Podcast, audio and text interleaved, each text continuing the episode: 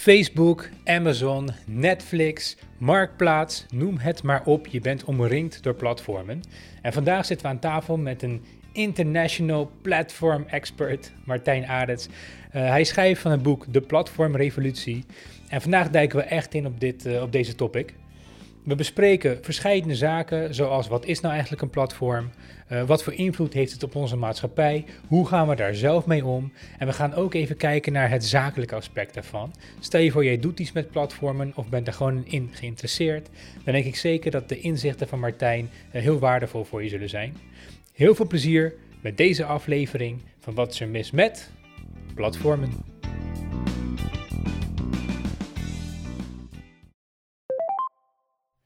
Martijn, welkom.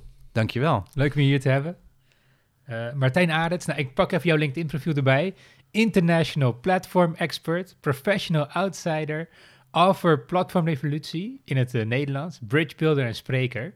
Goed, uh, misschien kan jij het beter vertellen dan ik. ik lees nu gewoon even je LinkedIn op. Maar nu, ik wil niet van vandaag met jou gaan kletsen over platforms. en dan echt in de breedste zin van het woord. Misschien de platformeconomie, de zakelijke platforms. Hoe hebben platformen invloed op ons sociaal? Alles erop en eraan. Maar zou je misschien even kort voor de luisteraars jezelf willen introduceren? Jazeker. Nee, ik ben Martijn Arets. Ik, uh, ik uh, heb kantoor in Utrecht en woon in, in Houten met mijn vriendin en drie kinderen. En ik hou me eigenlijk de afgelopen acht jaar eigenlijk al bezig met het onderwerp platformeconomie. Uh, waar we het zo verder over, uh, over gaan hebben. Mm -hmm. En eigenlijk wat ik doe is, ik, ik ben dus, zoals je ook, ook zei in mijn profiel, ik ben uh, professional outsider. dus ik hoor nergens bij, ik ben on onafhankelijk. En daardoor kan ik eigenlijk heel snel schakelen en heb ik ook geen last van alle politieke ellende aan de achterkant. Dus ik ben heel vrij en kan gewoon roepen wat ik wil. daarnaast werk ik altijd vanuit verwondering. Ja, want je kunt je mm. ergeren aan dingen, maar als je verwond wordt, dan kijk je er heel anders tegenaan. Okay, okay. Um, en ik hou me eigenlijk in ieder geval binnen uh, bezig met eigenlijk, eigenlijk alle vra vraagstukken rondom platformen. Niet zozeer technisch van hoe bouw je het, maar meer van hoe, hoe, hoe, uh, ja, hoe werkt strategie, uh, wat mm -hmm. werkt wel, wat werkt niet. Maar ook platformen meer ook in de maatschappelijke context. Dus, dus, dus, eigenlijk wat zijn ook de vraagstukken die, die opkomen met platformen, wanneer het gaat over het borgen van publieke waarden, wanneer het gaat over gelijkheid, mm. over dominantie. Dat soort vraagstukken. Dus ook voor het werk wat ik doe. Uh, ik doe onderzoek uh, vanuit mezelf. Ik doe geen onderzoek voor anderen. Dat kunnen anderen veel beter. Dus ik bedenk zelf ideeën uh, en vraagstukken waar ik partners bij vind die dat ook interessant vinden en, en er ook mee in, in, in financieren. Ik geef heel veel presentaties, behalve nu eventjes in, in coronatijd. uh, en ik uh, coach uh, corporate innovatieteams die met platformvraagstukken bezig zijn. en ik probeer ook een beetje in het publieke debat, ik ben ook best vaak in de media, iets van ja, 50, 60 keer per jaar. Mm. Um, probeer ik ook een beetje duiding te geven aan, aan alle ontwikkelingen. Want, want er wordt een hoop gezegd, maar over het algemeen is het vaak redelijk, ja, blinkt het redelijk uit aan het ontbreken van, van enige kennis en feiten. en blinkt het vooral heel erg uit in het, in het ja, vooruitschuiven van eigen politieke agenda's. En ik ben dan die, die pain in the die zegt van jongens, leuk wat jullie doen, maar puntje, puntje, puntje. Excuse me, maar hey, leuk man. Verwonder ons dan eventjes als je wilt. Ik ga er vanuit, ik weet niks over platformen. Hè. Ik, kom, uh, ik kom net uit coma, ik heb uh, 40 jaar lang in coma gezeten. Opeens kom ik de wereld in en ik zie, ja, ik hoor het woordje platform. Uh, ja, wat zijn platformen? Waar hebben we het eigenlijk over? Nou, platformen zijn eigenlijk online marktplaatsen. Ja, heel vaak is, is, is, is in marktplaats, marketplace ook vaak een stuk ja, herkenbaarder voor mensen dan het woord platform. Want, want, want uh, het woord platform wordt, wordt voor heel veel dingen, dingen gebruikt. Dus eigenlijk een platform is, is, is een marktplaats die eigenlijk twee of meerdere groepen bij elkaar brengt. En zich vooral kenmerkt in dat eigenlijk de beide zijden, vaak vraag en aanbod, enorm gefragmenteerd zijn. Mm. bijvoorbeeld heel veel taxichauffeurs en heel veel klanten die een taxi willen hebben. En een platform eigenlijk als, als, als marktplaats met daar als rol van de marktmeester die die twee bij elkaar brengt. En wat de platform eigenlijk doet is eigenlijk het oplossen van informatieasymmetrie. Want als je heel veel aanbieders en heel veel vragers hebt, dan heb je heel veel informatieasymmetrie. Waar platformen heel goed zijn in juist in die informatie als, als, als eigenlijk oplossen en eigenlijk ja, het zo verpakken dat je eigenlijk heel erg eenvoudig, dus gemak en vaak tegen een betere prijs een product kunt, kunt vinden. Waarbij uiteindelijk in ieder geval dat stukje informatieasymmetrie oplossen niet betekent dat dat, dat ook transparant is. Ik denk dat heel vaak zeggen mensen altijd hè, dat technologieën en, en, en, platformen zorgen voor transparantie. Mhm. Dat is eigenlijk uh, grote onzin. Uh, zij zorgen voor transparantie voor zichzelf. En daarom kunnen zij in ieder geval die betere match maken. Um, maar ze geven niet alle informatie ook aan de gebruikers. En dat is ook deels uh, om de transactie ook te bevorderen. Want jij wil geen Excel-lijst met uh, de adressen van duizend chauffeurs. Maar ook vooral ook om een businessmodel ook verder te, te, te, versterken en te borgen. Dus uiteindelijk, die transparantie is, is, is zeer relatief. Oké, maar dus een marktplaats is dan een platform, toch? Want die ja. brengt even heel oppervlakkig twee, de koper en de verkoper bij elkaar. En dus in die zin is het een platform. Maar goed, een Uber is ook een platform bijvoorbeeld. En toch zijn het hele verschillende wezens van elkaar. Ja. Dus het maakt niet uit wat je aanbiedt. Het gaat echt om het matchen van die twee partijen. De koper eigenlijk en de verkoper. Die aan elkaar koppelen. Ja, klopt. Het gaat erom in ieder geval dat e- echt die, uh, die tweezijdigheid. bijvoorbeeld, uh, uh, bijvoorbeeld, bijvoorbeeld in e-commerce, bijvoorbeeld bol.com versus Coolblue. Okay. Coolblue heeft zijn, zijn eigen magazijnen en daardoor hebben ze grip op de hele customer journey. Dat is echt waanzinnig doen. Maar uiteindelijk is hun model beperkt schaalbaar, omdat ja, eigenlijk alles wat ze willen aanbieden ze ook zelf op voorraad moeten hebben of in ieder geval snel toegang te moeten hebben. Um, bij een bol.com is ook begonnen ook als, als e-commerce bedrijf, maar is nu voor ongeveer 60% van het aanbod uh, afhankelijk van uh, iets van 20.000, 30.000 uh, los ondernemers die hun spullen verkopen via het platform. Waardoor ze eigenlijk veel makkelijker en wendbaarder zijn. Dus uiteindelijk het, het voordeel is van een platform is je bent veel wendbaarder en schaalbaarder. Dus, dus je kunt ook sneller groeien. Het nadeel is, je hebt ook veel, meer, veel minder controle over die customer journey. Um, omdat je, ja, omdat je aanbod komt van heel erg veel individuele uh, uh, aanbieders. En natuurlijk kun je als marktmeester wel de regels bepalen. Dat, hè, daar, daar kun je natuurlijk wel heel veel in sturen. Maar uiteindelijk is ja, je, je controle is, uh, is beperkt. Oké, okay. wat is de customer journey voor de niet-marketeers onder ons? Nou, de, de, de klantreis. Uh, dus ja. dus uh, kijk, kijk uh, bijvoorbeeld bij een Coolblue. Ja, die kunnen eigenlijk van het moment dat je iets bestelt tot de, de kwaliteitscontrole van de producten, tot de levering zelfs, tot wanneer het misgaat, de, de klantensupport. Alles kunnen zij met een glimlach kunnen zij zelf sturen. En, en, dat doen ze echt waanzinnig. terwijl bij een bol.com, ja, daar ben je altijd, uiteindelijk altijd ook afhankelijk van die aanbieder. En natuurlijk, eh, als platform stel je ook de regels van het spel samen. Dus uiteindelijk leg je wel bepaalde voorwaarden op. Hmm. Maar ja, dat kun je nooit waterdicht maken. Nee, maar je hebt toch wel veel invloed. Ik bedoel, uh, als ik iets bestel op een Coolblue bijvoorbeeld, ziet er wel allemaal hetzelfde eruit voor mij. Ook al zijn het misschien verschillende leveranciers. Ja, bol.com bedoel je dan. Of, sorry, bol.com. Ja, ja, ja, ja, klopt. Klopt. Nee, dat, uh, uh, dat, ja, dat is zo. Kijk, zij, zij proberen natuurlijk zoveel mogelijk hun bol.com-merk erop, uh, erop los te laten. want uiteindelijk is het ook, als je kijkt ook waar het vertrouwen van de klant komt, die, ja, die vertrouwt vooral bol.com en niet Shaki Trading in Oosterwijk BV. Um, maar uh, dus uiteindelijk proberen ze natuurlijk heel erg veel uiteindelijk ook om, om, om hun merk erop te zetten. Maar uiteindelijk moeten ze uiteindelijk ook ja, daar wel een bepaalde vrijheid ook geven aan die ondernemers. Kijk, mm. het last natuurlijk ook van zo'n tweezijdig model is dat je ook twee klanten hebt. Mm. Hè? Uh, twee klantgroepen waar je van afhankelijk bent. Hè? De vragers en de aanbieders. Dus uiteindelijk moet je ook uh, je ook dienst weer opstellen tegenover de aanbieders. En die zullen nooit alles van jou pikken wanneer je echt alleen maar je eigen merk er doorheen, er doorheen duwt. Hey, en uh, ja, de podcast heet Wat is er mis met? Goed, uh, we zullen straks ongetwijfeld allemaal verschillende vlakken raken. Maar wat is er mis met platform? Ik bedoel, wat is het gevaar van een platform? Ja, aan de ene kant heb je natuurlijk heel veel voordelen van platformen. Natuurlijk in, in heel veel discussie gaat het vooral over de negatieve kant. En zeker uh, met social media platforms zijn die, zijn die negatieve kanten natuurlijk ook heel erg duidelijk. Hè. We hebben over een week hebben de presidentsverkiezingen in Amerika. Waarschijnlijk als je, uh, als je het luistert, uh, weten we wel wie gewonnen heeft. En wij weten dat, dat, dat, dat nog niet. Um, ja, um, daar zitten heel erg veel ja, negatieve vraagstukken bij.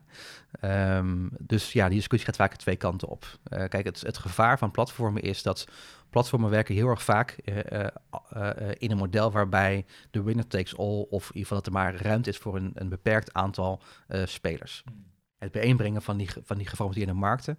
Het platformmodel werkt eigenlijk het beste wanneer je ja, zoveel mogelijk partijen hebt die meedoen. En daar, daar werkt het beste wanneer er eigenlijk gewoon één of ja, een, een slecht aantal partijen is die daar op die data zitten.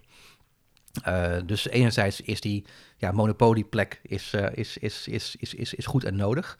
Aan de andere kant is natuurlijk ja, het zijn van, van een monopolist, uh, ja, dat brengt ook natuurlijk bepaalde uh, negatieve prikkel, prikkels met zich mee. Um, dus ja, die balans, dat is echt een soort van duivels dilemma waar, waar, waar wij continu ook in, uh, in zitten. Dus een concreet voorbeeld zou bijvoorbeeld ook kunnen zijn, even mijn eigen woorden, bijvoorbeeld op YouTube. Je, je hebt honderden duizenden mensen die filmpjes maken, maar uiteindelijk zijn er maar een kleine percentage van die mensen die daadwerkelijk ook geld eruit kunnen verdienen of die ook echt veel luisteraars krijgen. Ja, dat bijvoorbeeld. Maar uiteindelijk gaat het ook om dat, dat, dat, dat natuurlijk heel veel modellen en vraagstukken ook uh, terug te leiden zijn naar het, het, het verdienmodel van een platform. Uh, of überhaupt van een organisatie. Hè. Dat, dat, dat, dat, dat, zie ik overal in de economie. Een verdienmodel is heel vaak sturend op wat een bedrijf doet.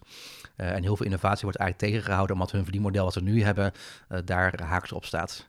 Um, en zo ook bij platformen. Hè. Dan zie je bijvoorbeeld dat hè, een aantal willekeurige vraagstukken zijn. Bijvoorbeeld e-commerce platformen zoals bijvoorbeeld Amazon of Bol.com. Um, enerzijds zijn zij de marktmeester, dus zij bepalen de regels van het spel. Uh, aan de andere kant zijn ze ook aanbieder op de marktplaats. Uh, omdat een groot deel van het aanbod komt vanuit uh, de grote groep aanbieders, maar een deel ook vanuit de bedrijven zelf, de Amazon of Bol.com. En daar zit natuurlijk een soort van ja, uh, spanningsveld. Want bij Amazon is natuurlijk bekend al, en uiteraard ontkennen ze dat, maar ja, er zijn een aantal praktijkvoorbeelden waar Amazon leert uh, uh, op rekening van de aanbieders, hè, van de data van wat bijvoorbeeld heel goed loopt. Vervolgens dat onder een eigen huismerk gaan produceren. en vervolgens het aanbod van die aanbieder die daarvoor heel, heel erg succesvol was, ergens naar pagina 10 verband. Ehm, dus daar zitten heel veel perverse prikkels in om, om, om, om, om ja, voor je eigen verdienmodel uh, het goed te doen, maar het voor de anderen uh, niet goed. Hetzelfde zie je bijvoorbeeld nu ook hè, uh, binnen, binnen Google. Heel veel grote platforms zijn heel groot geworden, in ieder geval door ja, goed vindbaar te zijn binnen, binnen, binnen Google. En volgens mij toen COVID begon, hadden volgens mij Expedia en Booking trokken hun, trokken hun advertising projecten terug. En dat ging echt om 10 miljard per jaar. Dat is echt gewoon nou ja, serieus geld. Alleen Google begint zich ook steeds zelf meer als een platform te gedragen. Dus als jij bijvoorbeeld nu iets zoekt rondom een reis, dan krijg je eerst een aantal resultaten vanuit de Google Services. Okay. Uh, zodat Google eigenlijk dat uh, voor jou wil gaan doen. Daarna krijg je de, de, de, de, de, de advertenties vanuit Booking.com en Expedia. En daarna krijg je de organische zoekresultaten. Uh, dus ja, er zijn heel veel vraagstukken over van ja, uh, die rol van marktmeester en marktkoopman. Als je die combineert, ja, dat, dat is gewoon ja, iets wat, wat snel fout kan, kan gaan. Hè? Dus aan de ene kant vanwege die, die ja, ze moeten geld verdienen. Hè? Dus als dat betekent, zoals bijvoorbeeld bij YouTube dan weer als voorbeeld, dat ze dan twee reclames laten zien in plaats van één. Of dat ze de ene aanbieder dan maar wat harder naar voren duwen, want daar kan je makkelijke reclame op tonen. Dan zullen ze dat doen. Ze hebben niet per se een belang, inderdaad, bij, als je kijkt naar een social media platform, uh, bij het maatschappelijk goed. Uiteindelijk is hun belang, ja, geld verdienen. Klopt. Ja. Eens, ja. En, en, en, en uiteraard hebben ze ook belang bij, eh, bij dat het in ieder maatschappelijk in ieder geval niet te veel ter discussie staat. Ja. Uh, uh, dat ja, heet, ja, geen imago Ik wou zeggen, dat, dat heet public policy. Daar hebben ook erg veel mensen van rondlopen. Allemaal hele slim, aardige mensen. Um, maar ja, in eerste instantie draait het wel om, om het verdienmodel. En natuurlijk, kijk, wat ik heel erg merk is in heel veel organisaties rondom platformen, bijvoorbeeld ik veel, vakbonden of andere belangenverenigingen, die zien platform, die zien platform heel erg vaak als, als, een, als een app. Hmm. Van jongens, hè, hoe moeilijk kan het zijn? Hè? In ieder geval, je, je huurt een, een team in, die bouwt een app en dan ben je klaar. Maar ja, bij, wat bij een Uber, daar werkte uh, pre-COVID, uh, werkte bijna 30.000 mensen op kantoor. Uh, bij Booking ook iets van 25.000 mensen. Oftewel, het, het platformtrucje is ook gewoon ten eerste heel erg lastig om het succesvol te maken. En ook heel erg kostbaar. Maar wat doen die 30.000 mensen dan? Waar heb je 30.000 mensen nodig voor een Uber? Nou ja, dat uh, is, is eigenlijk heel erg breed. Kijk, natuurlijk moet je bijvoorbeeld dingen hebben als, als, als... Kijk, sommige dingen... Kijk, technologie is natuurlijk schaalbaar. Mm -hmm. uh, en kun je natuurlijk relatief goedkoop kun je, kun je dat opschalen. Waardoor uiteindelijk het aansluiten van een extra gebruiker... Out of pocket eigenlijk gewoon niet heel veel geld kost. maar dingen als bijvoorbeeld klantenservice... Uh, en natuurlijk kun je heel automatiseren, automatiseren, maar uiteindelijk moet er gewoon iets gedaan worden. Marketing. Uh, ja, natuurlijk, eh, juridisch is ook een flinke afdeling, maar ook bijvoorbeeld ook development. Mm. Nee, ik sprak een keer bij, bij Uber in, in Amsterdam, daar hebben ze hun Europese hoofdkantoor. En daar hadden ze echt, ja, echt, echt, echt heel veel developers zitten. En ik vroeg van, goh, maar verwacht je dat het aantal minder wordt? Want ja, want, want op een gegeven moment is, is die app klaar. Natuurlijk moet je hem bijhouden, maar dan is het wel een keer, uh, een keer gedaan. Hij keek me aan van Martijn, domme vragen bestaan niet. Maar deze is echt een hele domme vraag. wat, wat, denk je zelf? Nee, of alleen maar meer. Dus uiteindelijk, het is ook echt enorm ja, uh, kapitaal-intensief op zo'n platform um, uh, te starten. Uh, en dan ook om te laten draaien. En natuurlijk hebben we genoeg voorbeelden van platformen die natuurlijk heel erg veel winst maken. Zeker Booking.com zijn natuurlijk een hele duidelijke voor. Zeker rondom COVID, toen zij inderdaad op een gegeven moment toch staatssteun gingen aanvragen. Maar toen bleek dat ze de afgelopen vier, vijf jaar voor iets van 12 miljard aan eigen aandelen hadden mm. teruggekocht. Um, ja, dat levert natuurlijk het, het niet al te verrassend negatieve sentiment op. Dus daar zie je dat het, dat het echt wel echt om het geld gaat. Um, aan, aan de andere kant zien we ook een beetje een tegenbeweging. Dat we ook gaan kijken van ja, maar hoe kunnen we uiteindelijk in ieder geval meer uh, het, het, uh, het kapitaal meer dienend laten zijn, dienend richting de organisatie in plaats van extractief. Hmm. Daar is bijvoorbeeld een voorbeeld voor nu beterboeken.nl. Dat is een initiatief die net 2 miljoen heeft, heeft, heeft, opgehaald via, via crowdfunding. die dan via het steward ownership model werkt. En dat is een speciaal model wat, wat, wat al 100 jaar bestaat. Wordt onder andere ook door, door Bosch, het, het grote Duitse Bosch, al, al ja, bijna 100 jaar toegepast. Waarbij het eigenlijk juridisch zo is vastgelegd dat, uh, dat de investeerders nooit uh, ten nadele van het bedrijf kapitaal eruit kunnen trekken. Uh, er is eigenlijk dus de, de, de, de, de, de stem en de eigenaarschap aandelen met elkaar, van elkaar losgetrokken. Mm. daarnaast is, is er een soort van extra foundation met, een, met een golden vote. Eigenlijk alles eraan gedaan om ervoor te zorgen dat, dat, dat kijk, want uiteindelijk geld verdienen is natuurlijk prima. en beloond worden als ondernemer of investeerder op je risico, helemaal goed. Maar de vraag is, ja, moet je dan een rendement hebben van, van factor 10 of, of van oneindig factor 1000? En daar loopt het debat nu, nu steeds vaker, vaker over. Absoluut. Ik zit even te denken, hoe kunnen we dit nou het beste bespreken met elkaar? Laten we het voor nu eventjes op het zakelijke houden. En dan gaan we in de tweede helft gaan we wat meer kletsen over misschien sociale gevolgen en zo. Kijk, een van de zakelijke vragen die bij mij brandend is, is... Ik zie gewoon in mijn zakelijke omgeving dat heel veel, vooral techbedrijven, maar ook gewoon normale reguliere bedrijven, nadenken over oké, ik lever een dienst of een product, maar eigenlijk wil ik een soort van geautomatiseerde recurring revenue based maken. Ik wil iets maken dat ik gewoon één keer bouw. Daar kunnen mensen dan een abonnement op afsluiten. Dat bedient die mensen ook vrijwel automatisch.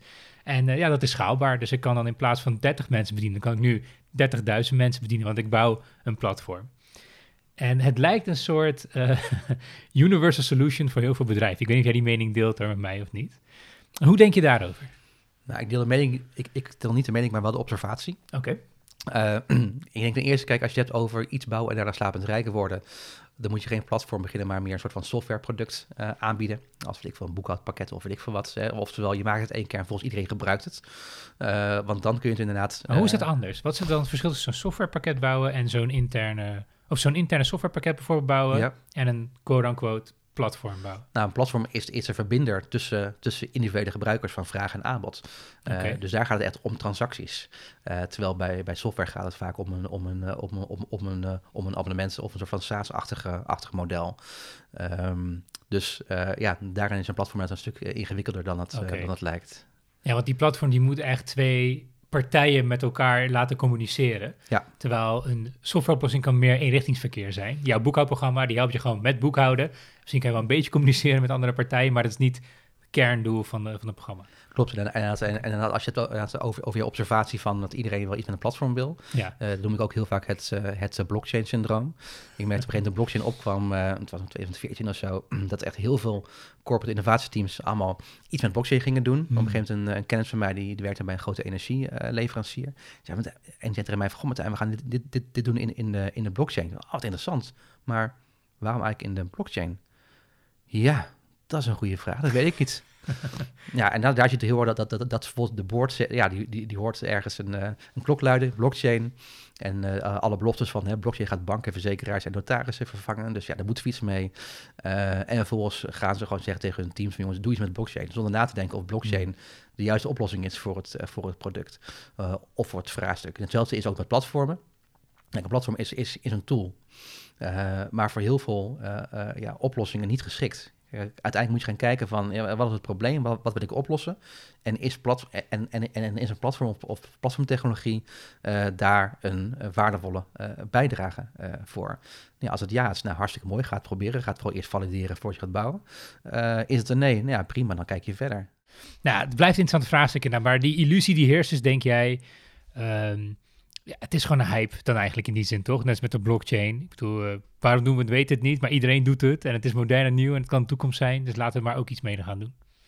Ja, als je het als een hype omschrijft, dan, dan, dan omschrijft het als iets, als iets uh, on, onoverkombaars. Uh, ik, ik zou het eerder gewoon als, uh, als, als, als niet, prof, als niet professionele naiviteit willen omschrijven. Okay. Om, om er even gelijk een hard te, te, spelen. Ja, ja, ja. kijk, uiteindelijk, ja, dit is gewoon in ieder geval waar je gewoon als professional aan, aan, moet denken en die afweging moet je maken. Mm -hmm. ja, en, en het is niet iets, iets wat je niet kunt, kunt voorkomen. Als je gewoon nadenkt, dan kom je een, een heel eind. Um Wanneer kan het wel interessant zijn? Ja, het kan interessant zijn op, op het moment als jij... ehm, eh, kijk, sowieso zijn er al heel veel bestaande intermediairs. Bijvoorbeeld uh, uitzendbureaus. Het is ook een hele grote sector met heel veel geld. Hmm. Uh, eigenlijk wat die doen is eigenlijk vraag en aanbod van arbeid met elkaar verbinden. Mhm. En natuurlijk, op heel veel vlakken zijn ze ook echt degene die echt de, de oplossing en, en, bieden en ook heel erg ontzorgen. Um, dus daar zou bijvoorbeeld een platform minder geschikt voor zijn. Maar zeker voor heel veel... Minder geschikt? Ja, kijk, op het moment als je echt iets, iets, iets heel specifieks moet, moet, moet hebben, oh, ja, dan, dan is de ja, kans dat, ja. dan zijn de, de, de zoekkosten vaak vrij, vrij hoog. Uh, maar zeker in, in, de, in de wat ja, eenvoudige, wat repeterende-achtige arbeid, ja, daar zijn platformen natuurlijk heel erg interessant voor. Daarnaast kun je ook gaan kijken van uh, of platformen. Uh, kijk, sommige, sommige matches kunnen niet worden gemaakt, omdat ze gewoon economisch niet uit kunnen. Hmm. Maar een platform kan natuurlijk tegen veel lagere kosten ook die match maken, waardoor het best wel uit kan. En wat een voorbeeld is, is, is, is bijvoorbeeld uh, Romeler, maar ook uh, Secret View. Okay. Dat zijn uh, platformen die hebben enkele tienduizenden jongeren die de app hebben geïnstalleerd. En stel dat jij bent een marketingmanager van Coca-Cola en je hebt een, een, een, een campagne in de Albert Heijns draaien.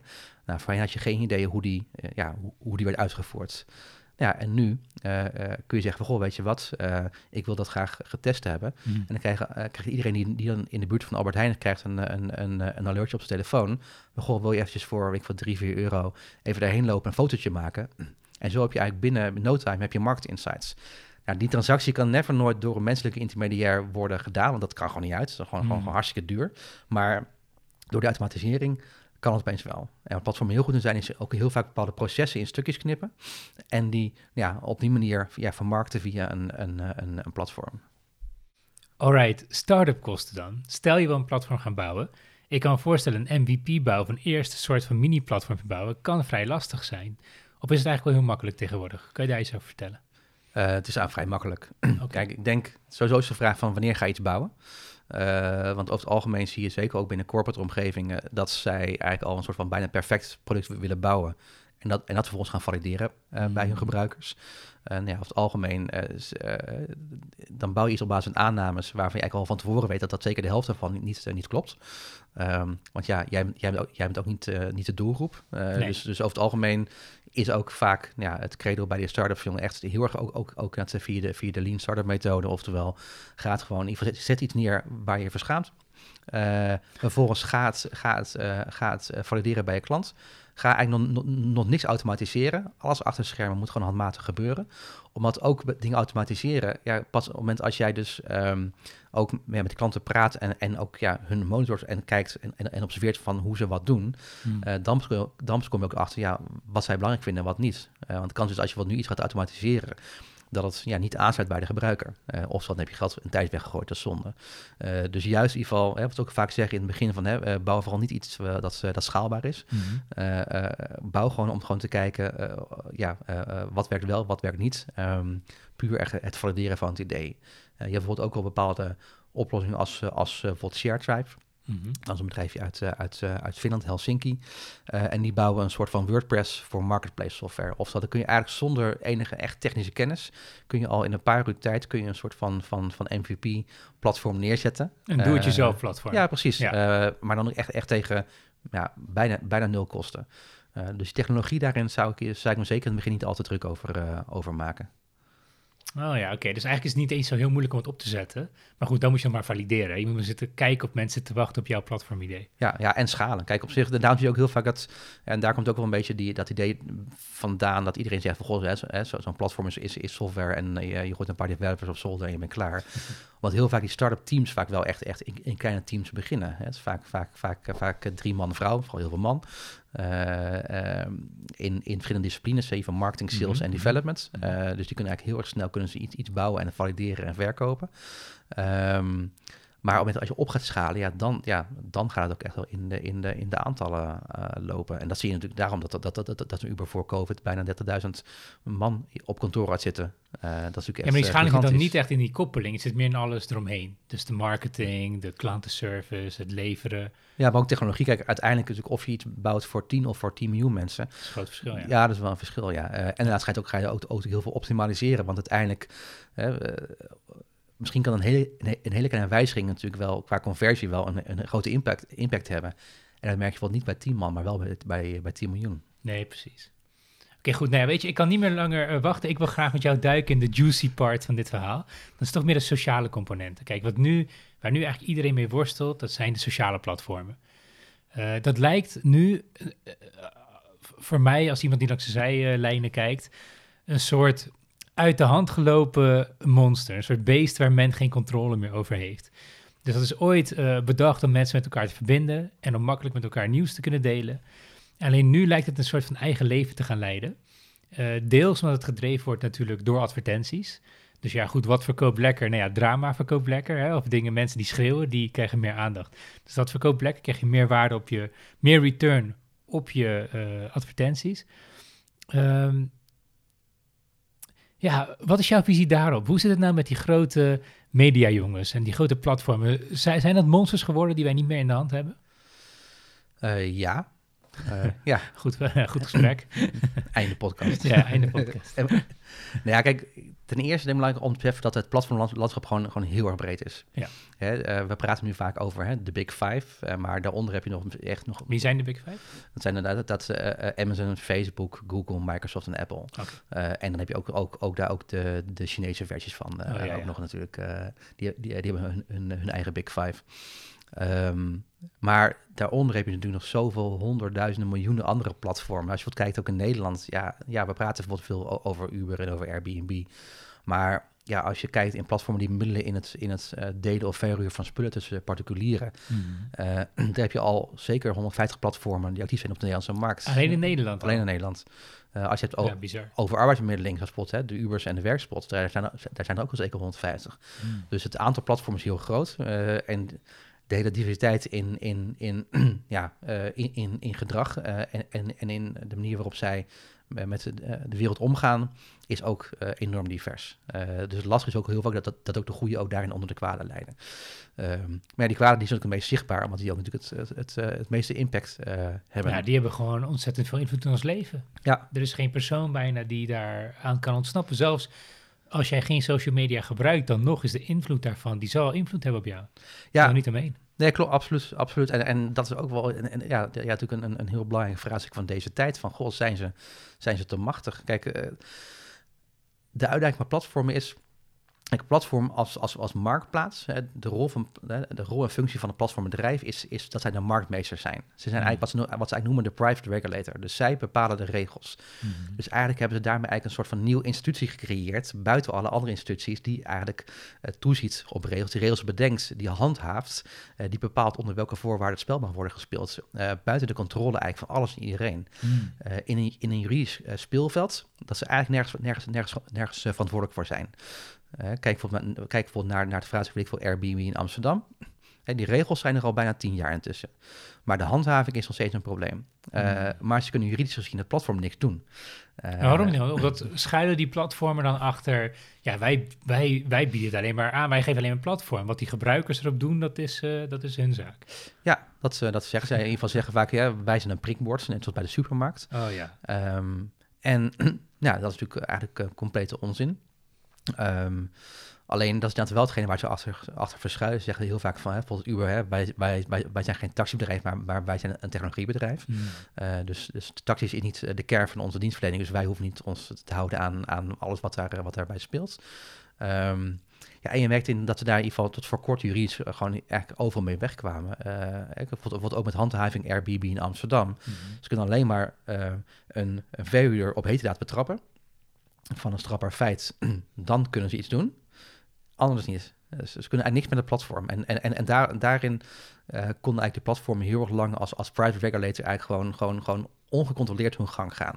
Eh, terwijl de impact op de samenleving alleen maar groter werd. Ja, dat, dat, dat, dat, dat, dat heeft natuurlijk een enorme perverse prikkel opgeleverd om, om eh, zeker ook vanuit meer echt tech-perspectief allemaal dingen, dingen te ontwikkelen. Want Mhm. heel vaak, zeker, eh, nu is het wel minder, maar zeker eh, in, in het begin, bijvoorbeeld ook van Uber, zag je heel duidelijk dat, dat, dat, dat eigenlijk die platformen zijn, zijn ja, gebouwd door, door, door tech-mensen.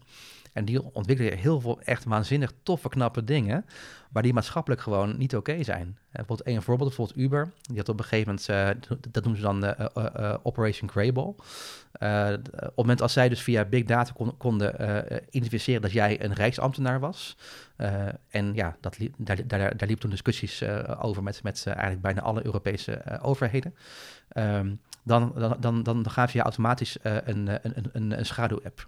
En in die schaduw-app kon kon je geen Ubers bestellen, want die waren er niet. Dus al die reisambtenaren die keken zo van, wacht even, maar ja, iedereen zegt er is een probleem als ik hem open. Ja, er is helemaal geen probleem, want ik, er is geen aanbod. Ja, dat klopt, want je wordt gefopt. hoe is dat legaal? Nee, dat is niet legaal. Eh, maar dat is wel natuurlijk uiteindelijk heel erg vanuit een soort van technologisch perspectief bedacht, jongens. Hè. Eh, eh, oh, we hebben een probleem. Prima, dan gaan we iets technologisch bedenken om het op te lossen. wat natuurlijk super inventief is. het is mhm. hartstikke knap gedaan. Alleen natuurlijk ja, maatschappelijk en moreel natuurlijk redelijk verwerpelijk.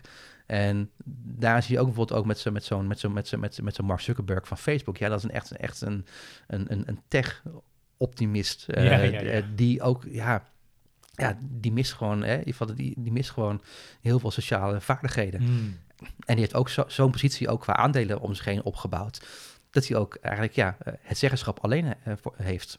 Uh, dat is, is ook een groot probleem bij dat, soort, bij dat soort bedrijven. Je hebt gewoon hele, ja, de founders die nog erin zitten, de oprichters, uh, die, die nog steeds een, behoorlijk aandeel hebben, die heel veel geld hebben, maar ook de aandelenstructuur zo hebben vormgegeven dat zij nog steeds uh, het veto hebben op, op nagenoeg alles. Mm. Dus zijn ze eigenlijk, eigenlijk een beetje, ja, het is eigenlijk een soort van, van, van, van tech-dictatuur.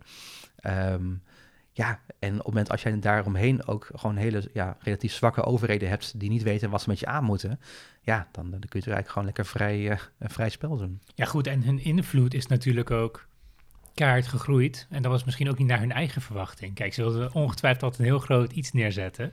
Maar hun invloed is nu zo groot geworden. Zij, uh, zij hebben macht en controle over het nieuws bijvoorbeeld. Wat voor nieuws jij ziet. Maar ook over wat producten jij ziet eigenlijk. Ook de producten die je aangeboden krijgt, wel of niet. Ja. ja. En zeker nu in een tijd waarbij wij allemaal thuis moeten zitten, wordt de macht alleen maar groter en groter. Uh, er is natuurlijk wel een tegenbeweging nu. Wij voelen ook, uh, de, de samenleving voelt van, hé, hey, oh, oh, dit gaat niet helemaal goed.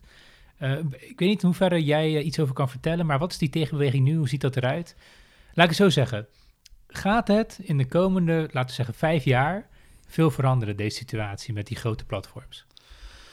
Nou, ik denk over tien jaar wel. Mhm. Ik denk de komende vijf jaar dat, dat, dat, dat er wel heel veel achter de schermen gaat gebeuren. Uh, maar echt, echt grote impact uh, verwacht ik niet zozeer binnen, binnen, binnen, binnen vijf jaar. Ik ben een optimist, maar ook een realist. Maar waarom niet? Um, Wat houdt ons tegen? Uh, ja, als je hebt over oplossingen, nou, dat, dat ligt natuurlijk voor een heel groot deel onder andere ook bij, bij, bij beleid. Mm regelgeving, mededingingsrecht is. Hè, niemand had verwacht dat mededingingsrecht echt super, echt, echt, echt een soort van rocksterrenstatus zou krijgen. Uh, die, Wat is dat? Uh, mededingingsrecht gaat over, over, over marktmacht. Heb je niet te veel, veel macht in een, in een markt en moeten we je niet gewoon opsplitsen. Mhm. of bij, bij overnames mag je het overnemen. Nou ja, natuurlijk het geven dat het Facebook, zowel Instagram als WhatsApp mocht overnemen, is natuurlijk ja, met terugkijken natuurlijk niet echt een hele fijne keuze geweest. Uh, dus mededingingsrecht is daar heel erg mee, mee, mee bezig. Uh, dus, dus, dus, op heel veel vlakken wordt er wel gewerkt uh, aan het ja, creëren van een meer gelijk speelveld. Maar ja, de kennisachterstand is er heel erg groot. Mm. de, de, de, lobbymacht van de platform is heel erg groot. Wordt één voorbeeld in, in Californië en de VS. natuurlijk ook, ja, natuurlijk ook, hè, waar ook Silicon Valley ook, ook in, in zit. Um, daar had de overheid op een gegeven moment een nieuwe wetgeving bedacht. Die heette AB5. De AB5 is een wetgeving die eigenlijk is gemaakt om platformen als onder andere Uber te dwingen om hun aanbieders in dienst te nemen. Hmm. Want de grote vraagstuk is rondom wat soort arbeidsplatformen is, zijn die mensen een, freelancer of zijn ze gewoon, gewoon, gewoon werknemer? Ja, dus als jij, even wat uh, concreet te maken, als jij Uber-chauffeur bent, dan, ben je, dan moet je echt in dienst van Uber. Dat was in ieder geval het doel van de, van, van, van, van de AB5. ja, dat, is een, dat is een soort van, van, van 1, 2, 3 check bedacht. Van ja, als je dan aan 1, 2 en 3 voldoet, dan is dat zo. Mm -hmm. Ja, die platform die hebben volgens hun, hun interne dingen wat veranderd, waardoor ze niet meer aan die 1, 2, 3 check uh, oh, ja. uh, voldaan. En volgens zijn ze met een tegenvoorstel gekomen. Wat ze eigenlijk hebben gezegd, dat is ook een heel traditioneel soort van ja, standaard playbook van die, van die, van die, van die lobbyisten. Van, nou jongens, hè, we begrijpen de, de, de maatschappelijke vraagstukken, maar wij zien dat jullie oplossing nu niet de meest ideale oplossing is. Dus wij komen met een betere oplossing. Okay. Die betere oplossing die heet Proposition 22. Uh, eh, vervolgens daar moeten de Amerikanen voor gaan stemmen tijdens, de, uh, tijdens, de, tijdens die elections op, op, op, op, op 3 november. En vervolgens um, uh, heeft, hebben de platformen samen voor meer dan 180 miljoen dollar aan uh, lobbygeld kas bij elkaar gebracht om te gaan lobbyen voor hun eigen wet. terwijl de tegenpartij uh, tegen de Prop 22 wetgeving maar iets van 5 miljoen had. Uh, dus daarin zie je ook wel het, het enorme... En wat staat er in die wet dan? Weet je daar iets van? Is het... Uh... Nou, die wet in ieder geval die zij hebben uh, bedacht is eigenlijk een soort van tussen, tussen, tussenmodel. Ja. Uh, dus nee, je bent niet in dienst, maar je hebt wel bepaalde zekerheden. Okay. maar alsnog is het een soort van, van ja, werknemers-light-achtig model. Um, en kijk, voor hun is, is nu ook natuurlijk die onduidelijkheid ook een, een, een groot bedrijfsrisico. Mm. Want als jouw toekomst en, en waardering van je bedrijf afhankelijk is van onduidelijkheid en regelgeving, ja, dat is niet heel erg fijn als je een miljardbedrijf bent. Dus voor hun, zij, zij willen daar best wat water bij de wijn doen, als ze maar die zekerheid krijgen. Maar het nadeel is wel natuurlijk, als, als die nieuwe ondergrens wordt gesteld, wat echt een ondergrens is, um, dan is het ook een nieuw default voor heel veel andere sectoren. Uh, mm. dus, dus daar zie je ook zoals, wel... Zoals? Um, ja, voor heel veel andere, uh, weet ik veel, uh, uh, supermarktmedewerkers bijvoorbeeld. Ja, eigenlijk... maar ze kunnen niet een wet maken specifiek voor dit soort digitale aanbieders? blijkbaar niet. Okay. Um, en het lastig is ook heel vaak ook in discussies van... moet jij bijvoorbeeld een digitale aanbieder anders... of eigenlijk een digitale matchmaker... moet je die anders gaan behandelen... dan een niet-digitale matchmaker. Ja, ik snap die Ehm, stroefheid nooit zo. Waarom niet? Ik bedoel, het is gewoon een ander beestje. Ja, ja en nee. Uh, kijk, uh, als je kijkt in heel veel markten, ook zeker binnen arbeid, ja, er zijn natuurlijk heel veel. Kijk, kijk bijvoorbeeld uh, thuisschoonmaak. Hmm. er zijn al heel veel broodjes, al tientallen jaren lang, die ja, milling doen in, in, in, in thuisschoonmaak. Hmm. En is er een platform die dat ook doet. maar in principe doen ze eigenlijk precies hetzelfde. dus moet je een platform dan andere regels gaan op, opleggen dan een, dan een bureautje wat het al tien jaar doet. Ja, dat zijn in ieder geval gewoon wel belangrijke vragen die je moet, moet, nou ja, op het moment dat zo'n... ehm, ja, oké. Maar dat is zeg maar een soort van. In jouw voorbeeld die je nu geeft, die heeft niet massaal invloed op de samenleving. Misschien wel op de markt waar ze in bedienen. Dus dan kan ik me wel voorstellen dat je zegt: dit is gewoon een slimmere aanbieder, dus waarom zou je die anders moeten aanpakken? Maar op het moment dat je ook de maatschappij raakt, dan lijkt het me niet gek dat daar speciale regels aan vast komen te zitten. Ja, wat, wat je ook vaak ziet is, is dat, dat ook heel veel platformen ook eigenlijk een, een, een, een vinger op bestaande zere plekken liggen. Hè, kijk in Nederland, mm. uh, bijvoorbeeld het hele debat rondom ZZP uh, loopt al iets van tien jaar, in ieder geval heel lang. Op een gegeven moment zijn wij ook een soort van 1, 2, 3 model geprobeerd. Uh, werkt ook niet. Werkt ook niet. komt, een nieuw, komt een nieuw model, werkt ook niet. Um, dus dat is eigenlijk een probleem wat al, al, al, al, al tijden speelt. En mm. de kern van het probleem is vooral dat uiteindelijk in ieder geval zekerheden en verplichtingen zijn gekoppeld aan de vorm van het contract. Um, en zeker omdat die twee zo ver uit elkaar liggen, want je als freelancer echt gewoon niks hebt en als werknemer heb je alles. Mm. Um, ja, is het natuurlijk heel erg verleidelijk om daar, om daarin in te gaan, uh, te gaan, uh, te gaan uh, verkennen mm. hoe je dat kunt, naar je hand kunt zetten. Kijk, wat platformen doen is eigenlijk de drempels voor mensen om te gaan freelancer verlagen. Hè? Want, want een freelancer die outsourced eigenlijk zijn online marketing, sales en administratie naar een platform. Waardoor het heel aannemelijk is dat wanneer dat niet verandert, dat het aantal freelancers enorm zal stijgen. Hmm. Um, en dan is de vraag van, goh, maar is het dan een schuld van de platformen? Uh, deels ja, omdat zij natuurlijk in ieder geval dat faciliteren en vervolgens die markt laten groeien. Um, maar daaronder liggend is ook de vraag van, jongens, maar waar, waarom kunnen we niet juridisch nu zeggen dat dat niet mag? Uh, waarom is, er niet die duidelijkheid in die wetgeving? Uh, of waarom, en dat is natuurlijk een an andere discussie weer, waarom gaan we niet gewoon ons arbeidsstelsel herzien? Waarbij wij zeggen, van, ja, we koppelen eigenlijk, alle zekerheden los van de contractvorm. Dus iedereen krijgt gewoon dezelfde verzekering en pensioenverplichtingen. Uh, want dan wordt het ook voor, voor, voor werkgevers niet meer aantrekkelijk om te gaan shoppen mm. uh, uh, in contractvormen. dus dat, ja, dat eigenlijk. Ja, maar wat, wat. Kijk, ik begrijp nog steeds niet waarom het zo ingewikkeld is om op het moment dat het spel verandert, eigenlijk om daar gewoon nieuwe regels voor op te zetten. Het klinkt voor mij, als ik dit verhaal aanhoor, eigenlijk als een sneaky juridisch spelletje. Dat is een beetje hoe het klinkt. Van joh, we hebben iets innovatiefs bedacht en het werkt supergoed. En op het moment dat het uitkomt, dan vallen wij in het hokje van, uh, hè, net zoals alle andere bedrijven. Maar als het niet uitkomt, dan, uh, ja, dan gaan we juristen erop afsturen. Kijk, ik snap het wel. Zo'n bedrijf heeft natuurlijk zijn eigen belangen te behartigen. Hè? Ik bedoel, uh, die zullen ongetwijfeld wel ook wel vaak in hun recht staan. Alleen wederom kom ik dan terug op, joh, maar wat nou als het maatschappelijk ons raakt? Dus kijk even terug naar die Big Five. als we het hebben over macht, over invloed uit kunnen oefenen ja, je zou kunnen stellen dat Mark Zuckerberg op bepaalde manieren meer macht heeft dan een Donald Trump. Want Donald Trump is, is, is veel meer gebonden aan bepaalde zaken dan, dan een Mark Zuckerberg. Zoals jij net omschreef, uiteindelijk is hij gewoon de baas van het bedrijf. En als hij iets voor elkaar wil krijgen, heeft hij een leger van advocaten die het gewoon voor hem gaan regelen. En lobbyisten. Ja. Wat, ehm, hoe transparant zijn die platformen nu? Niet. Gewoon niet. Dus als ik wil weten, ja, ik, ik misschien, eh, als ik wil weten hoeveel van de posts die ik zie op Facebook bijvoorbeeld, zie ik omdat mensen voor hebben betaald, kan ik dat niet achterhalen. Dat weet ik niet. Dat is niet zozeer de domein waar ik op zit. Maar over het algemeen zijn ze inderdaad eh, niet, eh, eh, niet transparant. Nee. Ja, ook, ook wat ik aangaf. Enerzijds, omdat ze alle data hebben, in ieder geval worden dingen eh, transparanter. Alleen transparantie wordt niet gedeeld met de, de, de anderen. Deels vanwege, ja, anders werkt het ook niet. Mhm. Eh, maar ook in ieder geval deels vanwege het, het, het, eh, ja, ehm, het eh, verdedigen van het eigen, eigen model. Ja, nou, ik vind het toch een eng gedachte. Ik vind het toch, ja, zeker als het gaat om advertenties en zo. Ik wil gewoon weten waarom ik bepaalde dingen te zien krijg. En dat doet niks af van advertentie volgens mij, maar ja, ik wil wel gewoon weten waarom ik dat zie en waarom niet. Ja, ik denk, denk, denk dat daar, als je kijkt, ja, wat, wat, wat kunnen consumenten doen? Ook gewoon kijken, ja, hoe kun je ook wapenen ertegen? Eh, eh, ik heb bijvoorbeeld een, eh, een, een adblocker, dus ik zie geen advertenties. Ehm, ik heb een VPN-verbinding. Eh, dus op die manier kun je ook gewoon heel veel zelf al, eh, al Ja. doen. Je wil ook niet dat ehm, zo'n bedrijf, dat je compleet dat bedrijf zijn verdiensten weghaalt. Bedoel, zo'n bedrijf moet op een gegeven moment ook op een of andere manier geld verdienen. Als dat via advertenties gaat en je haalt dat volledig weg, ja, dan bestaat het straks niet meer. Of dan moet je er anders voor gaan betalen. Ja, misschien moeten we maar een keer voor dingen gaan betalen. Ja. Dat, eh, Dat zou ik eigenlijk ook wel heel goed Ja. vinden. Want het, kijk, deels is deze de demon ook ontstaan omdat we hem zelf hebben opgeroepen. Want eh, ja, we willen nergens voor betalen, toch? We willen Ja. Facebook gratis gebruiken, we willen alles gratis gebruiken. En eh, ja, nou ja, gratis bestaat niet. het heeft altijd een prijskaartje.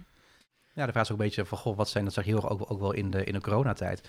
Ja, wat, wat bij corona heel erg interessant was, is dat heel veel platformen zich op een gegeven moment gingen, gingen opwerpen als, als, als vitale infrastructuur van onze samenleving. Oh ja. Ehm, wat deels ook wel zo was. Mhm. Ehm, en dan is natuurlijk de vraag, ja, maar Maar waarom dan? Waarom, wat maakt ze zo vitaal van onze samenleving? nou, kijk eens naar iedereen thuiswerken. Dus, eh, dus iedereen moest, moest eh, video gaan bellen. Oh ja. Eh, we hebben geen publiek videobelsysteem. We hebben allemaal Zoom en, en Teams en andere systemen. Ehm, dus Maar is Zoom, dat vind ik een mooi voorbeeld, is Zoom nou een techbedrijf of een platform? Is nou een techoplossing of is het een platform? ja, ja ehm, beide eigenlijk. Hmm. Ja. Kijk, uiteindelijk ook definities. Kijk, wat ik altijd zeg in een definitie is het resultaat van de keuze die je maakt over wat je wel niet ingooit. Eh, zolang je die keuzes maar transparant maakt, maakt het eigenlijk niet, maakt het eigenlijk niet uit wat je erin stopt. Ja, oké. Even Dus heel grijs praktisch, eh, ja, Duidelijk, duidelijk. ja. Maar daarin zag je ja, dat, dat, dat die platform zich heel erg als, eh, als, een, ja, als, als vitale infrastructuur positioneerde. En dan was ook de vraag van ja, maar ja, als samenleving, ehm, we hebben natuurlijk als, als overheid wel een, eh, een, een fysieke infrastructuur. We hebben mooie wegen, fietspaden, die worden allemaal goed onderhouden. Maar digitaal hebben we eigenlijk niks. Hè. We lopen al tig jaar te klooien naar een digitaal ID. Is het nog steeds niet.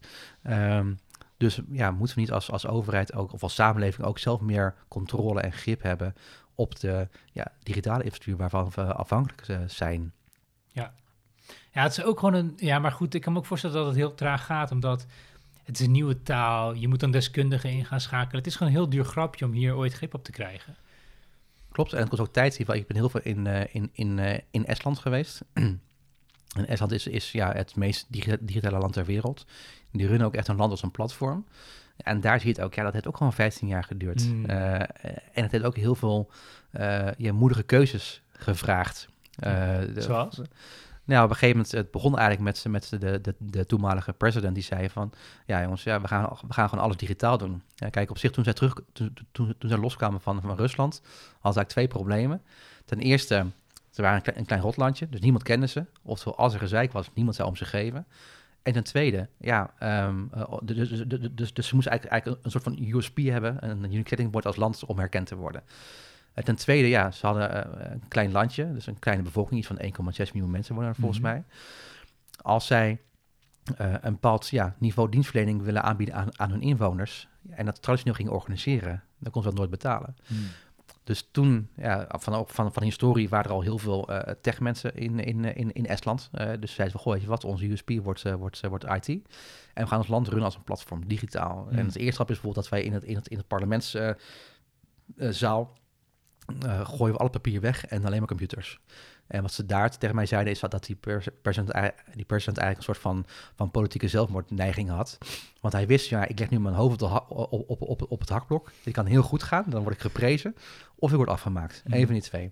En ik denk ja, dat dat soort ja, uh, stoere keuzes ook gewoon hoort bij zo'n uh, bij zo'n proces. Maar ook vooral ook erkennen dat het gewoon tijd nodig heeft. Hè. Het, wat ze ook zeggen is onze onze digitale strategie uh, mag niet uh, afhankelijk zijn van de cycli van verkiezingen. Hmm. want anders ga je hele domme dingen doen. Zeg wat ook in Amsterdam gebeuren. Ja. Op een gegeven moment kwamen er de, de gemeenteraadsverkiezingen aan. Ja, en, en, Airbnb en het aantal dagen van Airbnb, hoe vaak je dat mocht verhuren, was opeens een on, in ieder geval bijna de kern van het debat van alle partijen. Hmm. En iedereen riep maar wat zonder dat ze ook maar ergens van afwisten. Ja, en dat is natuurlijk hartstikke gevaarlijk wanneer je ook echt een digitale transformatie van een land wil. Uh, wil en hoe hebben, ze dat daar, hoe hebben ze dat daar opgelost? Uh, door het vooral te gaan doen, uh, door het hoog op de agenda te zetten, door wat afspraken te maken, door te zeggen van, goh, weet je wat, alles wat wij bouwen moet volgens die standaard worden gebouwd en moet daarop worden aangesloten. Hmm. Als het niet zo is, dan wordt het niet gebouwd. Um, ook het gevoel dat ze ook, uh, sowieso zie je daar heel veel jonge mensen uh, ook in de regering. Echt, echt gewoon allemaal jonge mensen die daar, uh, die daar hele belangrijke posities hebben. Um, en volgens mij ook wel heel erg, um, omdat ze ook een beetje echt, echt met zo'n start mentaliteit bezig zijn, zijn ze ook wel heel erg gewend om te falen. Uh, en volgens mij kunnen zij veel goedkoper falen, maar ze ook eerder, eerder stoppen. En ik denk dat ook in Nederland heel veel van die, van die miljoenen of miljarden projecten mislukken, omdat men niet durft te falen. Uh, nee, nee, nee. ze hebben al 2 miljoen erin zitten. No way dat ze nu nog uh, aan de rem gaan trekken. Ze kijken nee, wel hoe het eindigt. Precies, en daar, daar, daar is, is de duurste fout iets van 2 of 3 miljoen. Ja. Nee, in Nederland is de duurste fout in ieder geval in de miljarden. Dat is bizar. Ja. Dus, dus ik denk uiteindelijk ook gewoon dat, dat een cultuur creëren waar, waar, waar, waar het falen mag. Ja, je moet ook klein zijn om dat te kunnen doen. Ja, klein, uh, 1,6 miljoen. Dus in ieder geval zijn er van mij bijna bedrijven die zo klein zijn. Ja, dat is waar. Dat is waar. Dat is waar. Hey, en dan nog, waar ik nog even op terug wil komen, is je vertelde net over, joh, je kan je zoveel wapenen ook als ondernemer tegen zo'n organisatie. Ik moet denken aan het verhaal van Thuisbezorgd. Uh, ik heb niet helemaal gevolgd, je weet nog steeds beter dan ik, maar van wat ik van het meegekregen is dat op een gegeven moment was er heel veel weerstand vanuit leden van Thuisbezorgd. Met leden bedoel ik dus de aangesloten restaurants en snackbars en dergelijke omdat thuisbezorgd toch wel een heel groot deel van hun inkomsten uh, begon in te nemen. Maar ze hadden ook het gevoel dat zij nu zoveel klanten bedienen via thuisbezorgd, dat ze ook niet zomaar weg kunnen. Dus ze kwamen in een soort lose-lose. Je kan kiezen om weer je eigen marketing te gaan doen. Dat gaat je bakken met geld kosten. Of je kan kiezen om aangesloten te blijven bij thuisbezorgd. En dat gaat je bakken met geld kosten. Ja, een uh, duivels dilemma wederom. Uh, nou ja, kijk, lastig vind ik vaak van discussies over percentages is je weet pas als een percentage uh, goed is of te veel of te weinig, als je weet wat, wat er tegenover staat. Mm. Uh, dus je weet eigenlijk pas of het percentage van thuisbezorgd, uh, of dat oké is of niet. Mm-hmm. Als je weet van oké, okay, wat kost het om zelf een platform te bouwen? Hoeveel extra business krijg je erdoor? Omdat zij drempels verlagen en marketing doen. Uh, en volgens wat is hetgene wat je daarvoor moet, moet, moet betalen. En pas als je die cijfers weet, dan pas kan je echt onderbouwd zeggen van oké, dit is heel goed of dit, of dit is waardeloos. Um, want heel vaak zie je als er alternatieven worden gebouwd, ja, die, die mislukken vaak omdat ze ook niet ja, uh, financieel alles voor elkaar krijgen om het goed uh, te doen. Dan komen ze eigenlijk achter hoe lastig het is. Um, dus ja, uh, als ondernemer in ieder geval ook daarin eigenlijk hetzelfde ook als een boeking bijvoorbeeld. In ieder geval, ja, kijk gewoon onder welke voorwaarden dat voor jou werkt. Hmm. Um, en zorg er ook voor dat je ook gewoon zelf ook je andere kanalen op orde hebt, zodat mensen ook gewoon jezelf weten te vinden. Um, ja, maar goed, dat kost, ook, dat kost je dan ook weer een investering. Tuurlijk, ja. Okay, Eigenlijk hebben dat uitbesteed al die tijd. Ja, maar ja, dat is ondernemen. dat, dat, fair, dat, fair. Geval, dat, uh, dat, ik, het grootste probleem natuurlijk van, van heel veel van die, van die kleine uh, MKB'ers, uh, zag je ook, ook heel erg ook in retail. Kijk, de meeste winkelondernemers zijn natuurlijk geen ondernemer, maar die zijn hmm. gewoon retailers die gewoon goed zijn in ja, hun toko ja. zo goed mogelijk runnen. Maar daarvoor kun je niet verwachten dat het opeens uh, tech-ondernemer worden. En nee, dat kunnen ze of niet. marketing-expert. Of nee, precies. Uh, dus, dus dan kan ik twee dingen doen. Je kunt zeggen, maar goh, weet je wat, dan, dan, dan, dan, dan leveren wij ons over aan de platform. Of, en daar heb ik ook onderzoek naar gedaan, dan kun je gaan kijken, ja, hoe, maar hoe kun je bijvoorbeeld, kijk, want uiteindelijk die, markt van, die, die macht van platformen is natuurlijk uh, de macht bij gratie van de gebruiker. Hmm. want zonder gebruiker is een platform niks waard. Ook Facebook niet, ook Uber niet, geen enkel platform. Dus op het moment kun je gaan kijken van ja, hoe, uh, hoe kun je eigenlijk door te organiseren, kun je uh, of een tegenmacht creëren, of ook dezelfde schaalverdeling creëren om daarmee zelf iets te kunnen gaan ja, maar bouwen. nu kom je eigenlijk bij, het is ook een heel interessante vraag die met jou bespreken, het kip en het ei verhaal. Daar kom je nu eigenlijk bij terecht. Waarom? Omdat ik, ik kan me niet voorstellen dat bijvoorbeeld met dat thuiszorgverhaal, dat het ook zo is begonnen. Het lijkt me veel logischer dat ze beginnen met hele goede voorwaarden, ook voor die thuisbezorgd. Op een gegeven moment hebben ze heel veel klanten, gaat heel veel via het platform. Ja, en dan gaan ze hun, hun percentages verhogen natuurlijk. Dan zeggen ze, ja oké, eh, we kosten nu wat meer. En je mag weg, maar ze kunnen niet meer weg, want je bent nu afhankelijk. Dat gaat ook voor heel veel andere platformen mee in zee gaat. Ja. Dus je, je, je begint heel voordelig, uiteindelijk word je afhankelijk en dan wordt het opeens heel duur. Ja, dat is wel iets wat, wat je bij heel veel platformen ziet, uh, ziet gebeuren. het is niet zozeer dat het echt van de een op de andere dag gebeurt. Het gebeurt Nee. echt over een, vaak een periode van, van vaak wat tien jaar. Hmm. Wat, wat, wat, wat eh, bijvoorbeeld Jitse Groen van TKW nu- of Thuisbezorgd nu ook zegt, is jongens, ja, iedere keer eh, komt het verhaal naar voren toe, maar ja, we hebben eigenlijk amp- amper klanten die nog het tijdperk van 9% eh, eh, Oh ja. hebben meegemaakt. dus dat is ook natuurlijk een stukje belangrijk voor perspectief. Eh, Mhm. Maar inderdaad, ja, over het algemeen is het inderdaad wel, kijk, een platform die moet ook natuurlijk investeren om mensen aan boord te krijgen. Ja, tuurlijk. Eh, kijk, kijk wat ook naar een Uber. Ja, eh, jarenlang heeft Uber echt miljarden toegelegd op ritjes. eh, om maar klanten binnen te kunnen Mm. krijgen. Dus daar zie je ook dat, dat, dat, dat, ja, die platformen ook daarin op, op investeren. Maar je weet uiteindelijk is er een risico als je afhankelijk bent dat het tegen je worden gebruikt. Dat is natuurlijk voor mij gewoon de logica eigenlijk in iedere in, Dus jij vindt het iedere eigenlijk niet zo markt. gek. Eh, niet schrik dat het gebeurt. Het is natuurlijk wel zonde. Kijk, uiteindelijk is het ook een keuze die je maakt als, eh, als, als organisatie. Ga je het voor winstmaximalisatie? Ja, dan heb je het, eh het boekingsscenario dat je eigenlijk eh, ja, vooral eh, in een aantal jaar gewoon voor vele miljarden je eigen aandelen gaat terug, eh, terugkopen om daar die koers hoog te houden. Eh, is een keus. Ja, niet mijn keus, maar is een keus. Eh, dus uiteindelijk ook dat is, is een keuze van de organisatie. Maar ja, de vraag is een beetje, ja, moet je eigenlijk al je hoop vestigen eh, dat, die, dat die organisaties opeens heel erg eh, ethisch gaan handelen? Ehm, ja, dat stelt in ieder geval dat, ze, dat, ze, dat wanneer je die vraag aan, u- aan, aan, aan, aan, aan een Shell stelt. Ja, ja, die- nou, op een gegeven moment wordt die kans- zo groot natuurlijk, dat, dat wordt heel lastig. Ja, in ieder geval het, het druk van, van aandeelhoudersbelang is gewoon heel erg groot. En dan nu net vanuit de platform, want dat kip en ei verhaal vind ik dan heel interessant als ondernemer zijnde. Kijk, wat jij zegt, een Uber wordt pas interessant voor de aandeelhouder eigenlijk, op het moment dat die ehm, inderdaad genoeg mensen op het platform heeft om het te rechtvaardigen. Dat gaat eigenlijk voor alle platforms. Marktplaats heeft geen nut als er vijf mensen op zitten. En ook geen nut als er honderd mensen op zitten. Dus je hebt duizenden nodig voordat het interessant wordt. Ja. Ehm, maar dat is een kip en het ei verhaal. Want je hebt eerst die duizenden nodig om het interessant te maken. Dat geeft geld. Ehm, en dat zorgt ervoor dat je dan weer meer mensen kan aanspreken. Dus ga je weer groeien. Maar ergens moet dus die risico genomen worden in het begin. Hoe moeilijk is het, denk je? Wat is er voor nodig om die, ja, die, die eerste user base, noem ik het maar eventjes, om die voor elkaar te krijgen? Ja, heel erg lastig. Kijk, daarom is ook ja, dat platformmodel, hè, juist die, eh, die tweezijdigheid of meerzijdigheid, dat maakt het gewoon, gewoon een heel erg lastig model. Kijk, als jij gewoon een, een, eh, een e-commerce bedrijf bent, ja, dan, dan zorg je ervoor dat, dat je voorraad hebt, hè, het voorraadbeheer. En vervolgens stem je af eh, met, met de vraag van de klant. Alleen, ja, platformen, dat is ja, iets wat ja, continu een eh 24-7 ja, goochel balanstruc is tussen vraag en aanbod.